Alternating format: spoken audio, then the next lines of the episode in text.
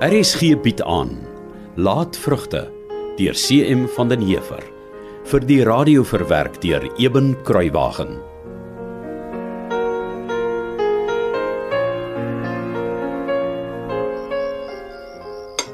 So. Hy het na my geluister. Dis weg. Ja, sy brand jou seun is weg. Jy het hom ons van die plaas af weggejaag. Jy lyk bleek, Betta. Na maande sien jy dit ook raak. Ek weet jy sal natuurlik gedaan treur oor die astrante klein sleghalter, maar jy het nog altyd sy kant teen my gekies. Ek het nog nooit Henning se kant gekies. Ek wil daardie naam al- nooit weer in my huis hoor nie. Uit niemand se mond sal daardie naam ooit weer in hierdie huis kom nie. Ek sal alle herinneringe aan hom met wortel en tak uit my lewe ruk. Verstaan jy my goed?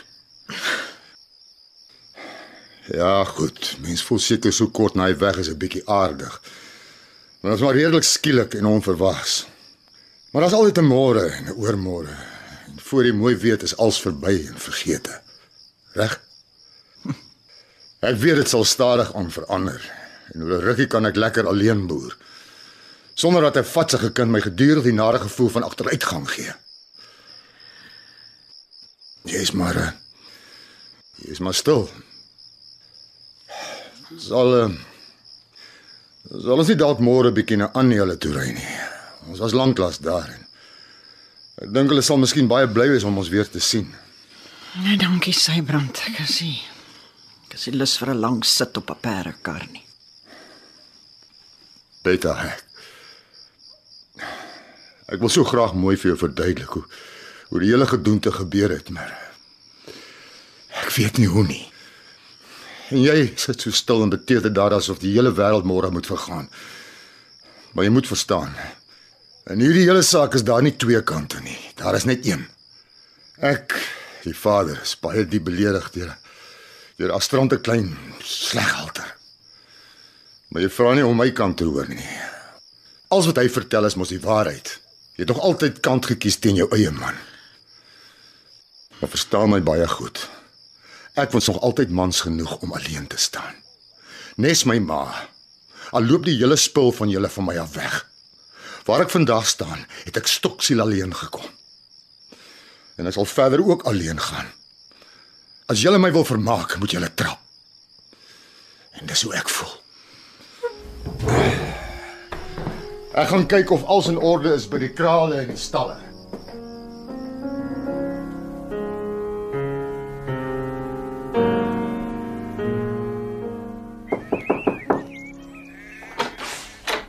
Nonnie. Wat maak jy hier? Middag. Hey, middag, middag mevrou. Uh, ek het die nuus van al die goeders hier op Boskloof gehoor en en toe dink ek met permissie mevrou, altyd sal mevrou dalk 'n bietjie hulp soek. Dis dierbaar van jou, Nonnie. Kom in. Kom in. Dankie mevrou. Waar het jy die nuus gehoor? Ag mevrou weet dit.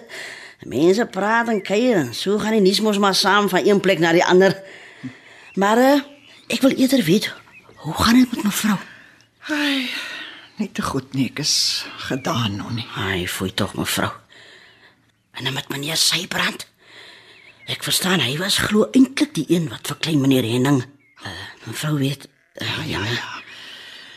Sy brand het Henning weggejaag. Maar dis 'n ding wat al lank broei. Ek het geweet dit gaan kom, ek het net nie geweet wanneer nie. Ag, ek is vreeslik jammer om dit te hoor mevrou. Ai, Nonnie. Nou Januarie het myself die ding moeilik gevat. Hy sommer stil ook.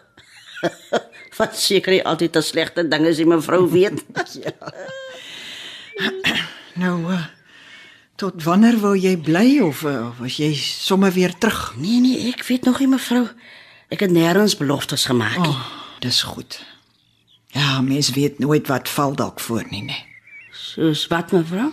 Ag, enigiets, 'n troue, klomp kuiermense, begrafnis. Ai nee mevrou. Mevrou moet nie van sulke goed praat nie. Wat se goed. Begrafnisse. Ek sien maar ag, nou nie jy weet, ons het elkeen een nie. Ah, miskien, maar dit beteken nog nie ons hoef daaroor te praat nie. Hoekom nie? Want praat ons te veel daaroor, dan verstaan die doodsengel dalk verkeerd En dan begin maai hy onder ons met daardie vieslike sens van hom. O, oh, jy het 'n vreeslike verbeelding nog nie. Maar goed. Kom ons vergeet sommer daar's 'n woord soos begrafnis. Dankie mevrou. Uh, is daar iets wat ek nou vir mevrou kan doen?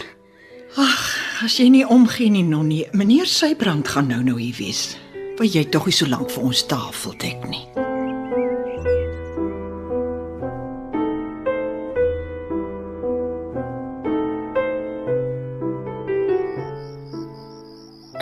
Seker meneer Sybrand sal my nie nek omdraai oor ek hier by mevrou is nie. Hy's na sy goed toe, Nonnie. Dis mos al wat vir hom tel. Sy plaas en sy besitting. Nee, hy sal eers baie later terug wees. Teen daai tyd slaap ek in elk geval al lankal. Ja, mevrou. En mevrou? Ek sien mevrou se hand gedurig so by mevrou se hart rond. Is daar fout? Nee, wat? Ag, hy maak maar sulke fladderings partykeer. Dan voel ek so 'n bietjie duiselig, maar eh, gaan darm weer oor en dan's ek weer reg. So. Waarmee wou mevrou Betta gehad het? Ek moes help. Kyk nou nie, ek dreig nou al hoe lank om die ou goedjies in die kas met die koperbeslag reg te pak. Die goed wat by mekaar hoort, by mekaar te sit. Ek raak dit duiselig as ek die goed onder moet uithaal. Nee, nee, maar is reg mevrou. Dan maak ons so. Sy brand het die kas nog by sy oorle ma geërwe. Sal vir geslagte lank in die familie. Ah, nee, kan sien dis 'n baie ou kas mevrou. Nou nie. Kyk vir my daar heel onder. Jy moet maar soek. Daar's so 'n wit rokkie. Henning is daar ingedoop. Die een mevrou. Dis hy ja. Ag, sit hom vir eers hier op die bed vir my. Dankie. So ja. Uh, wat nog mevrou? amper vergeet ek. Daar moet so 'n paar sagte skoentjies ook wees wat hy gedra het toe hy nog 'n suigeling was. Die een is so bietjie deurgeskaaf by die ou toontjie. Ah, hier's hulle. Ag, dankie. Ag, is hulle nie te vry nie mevrou? Ai mevrou. Dis net of alles van my weggevat is wat my nog laat vasklou aan die lewe nou nie. Wat hou my nou nog? Ai nee mevrou. Mevrou moenie so praat nie. Ek weet eens of ek my kind ooit weer sal sien nie. Natuurlik sal mevrou. Klein meneer Henning sal mevrou mos nooit so alleen los nie. Ek hoop jy's reg nou nie. Ek is mevrou. Ja. Ek en sy brand is nou weer alleen in hierdie huis. Alleen in die nag. Die kinders wat ons verwek het hier, hier in hierdie selfe bed. Soveel jare terug. Was amper of die natuur ons aangesê het om so te maak. Want toe het ons jong lywe na gemeenskap gesoek en nou soek ons gees op ons ou dag na 'n ankerplek in die gees van 'n medemens, 'n metgesel. Dis dit daar nie. Ons moet maar elkeen ons eie pad alleen stap. Al hoe dieper die eensaamheid in. Ag, sis tog. Kan ek nie dalk maar ietsie vir mevrou gaan haal om te drinkie? 'n Bietjie bogoetee dalk. Nee, dankie Nonnie. Jy weet, daai oggend toe ons uit die dorp uit gery het van die kerk af na ons getrou het. Ek is sy brand. O, ek sal dit nooit vergeet nie. Hy was so sterk en hartstogtelik. Hy het my op die hande gedra. Dit was die gelukkigste tyd van my lewe. Toe kom Annie. Baie later Henning. En toe die donker skaduwee van die eensaamheid. Eisiger as die koudste winter. Nee, nee, dit is nie goed vir mevrou om oor sulke goed te praat nie. Kom ons pak liewer die kas vir mevrou reg toe. Ja, die eensame dae was vir my harder as olienout. Hm. Miskien hoor ek hulle nooit verwag het nie. Miskien hoor ek dom bly glo het. Hulle het soos die droogte gekom, sal weer nes die droogte verbygaan. Eendag. Ai, mevrou moet nou die donker dinge wegpak. Môre is 'n nuwe dag. Jy reken. Maar natuurlik mevrou. Annie en Henny was maande laas hier. Hulle is kwaad omdat sy brand hulle nie die moeilikheid wil help nie. Ai, mevrou. Toe Henning nog hier was, het ons darm partykeer 'n bietjie gepraat. Maar nou dat Sybrand hom weggejaag. Ja, die plaas se naam moes eensaam gewees het. Ek is so vasgegroei aan die eensaamheid. Dis of ek 'n stuk daarvan is. Is daar nog iets wat ek vir mevrou Betta kan uithaal? Nee, ek is te moeg. Sit maar weer terug die ou goedjies. Ons kan ander dag weer probeer nou nie. As reg mevrou. Weer op dieselfde plek waar ek dit uitgehaal het. Ja, wat? Dankie Nonnie. Gaan maar inkruip. Ek is moeg. Oh, my voete is koud.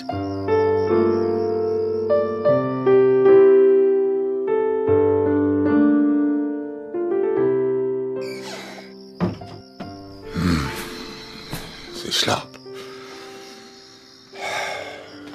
Ek wens ek weet hoe om alles reg te maak.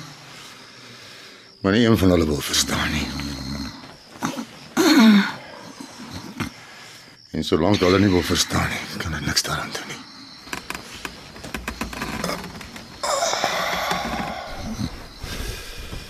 Môre het ek baie werk.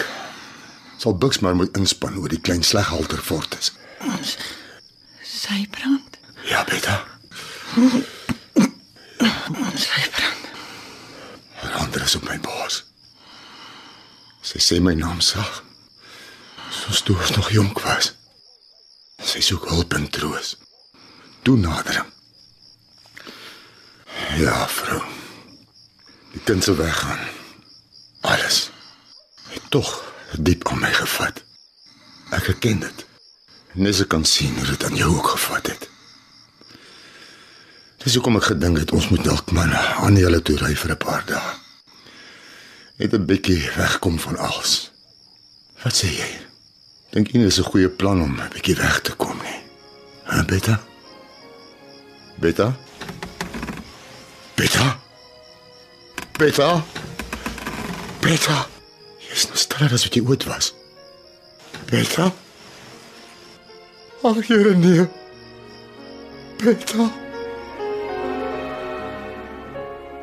Laatvrugte deur CM van den Heever is in 1939 uitgegee deur Nasionale Pers en word vir RSG verwerk deur Eben Kruiwagen.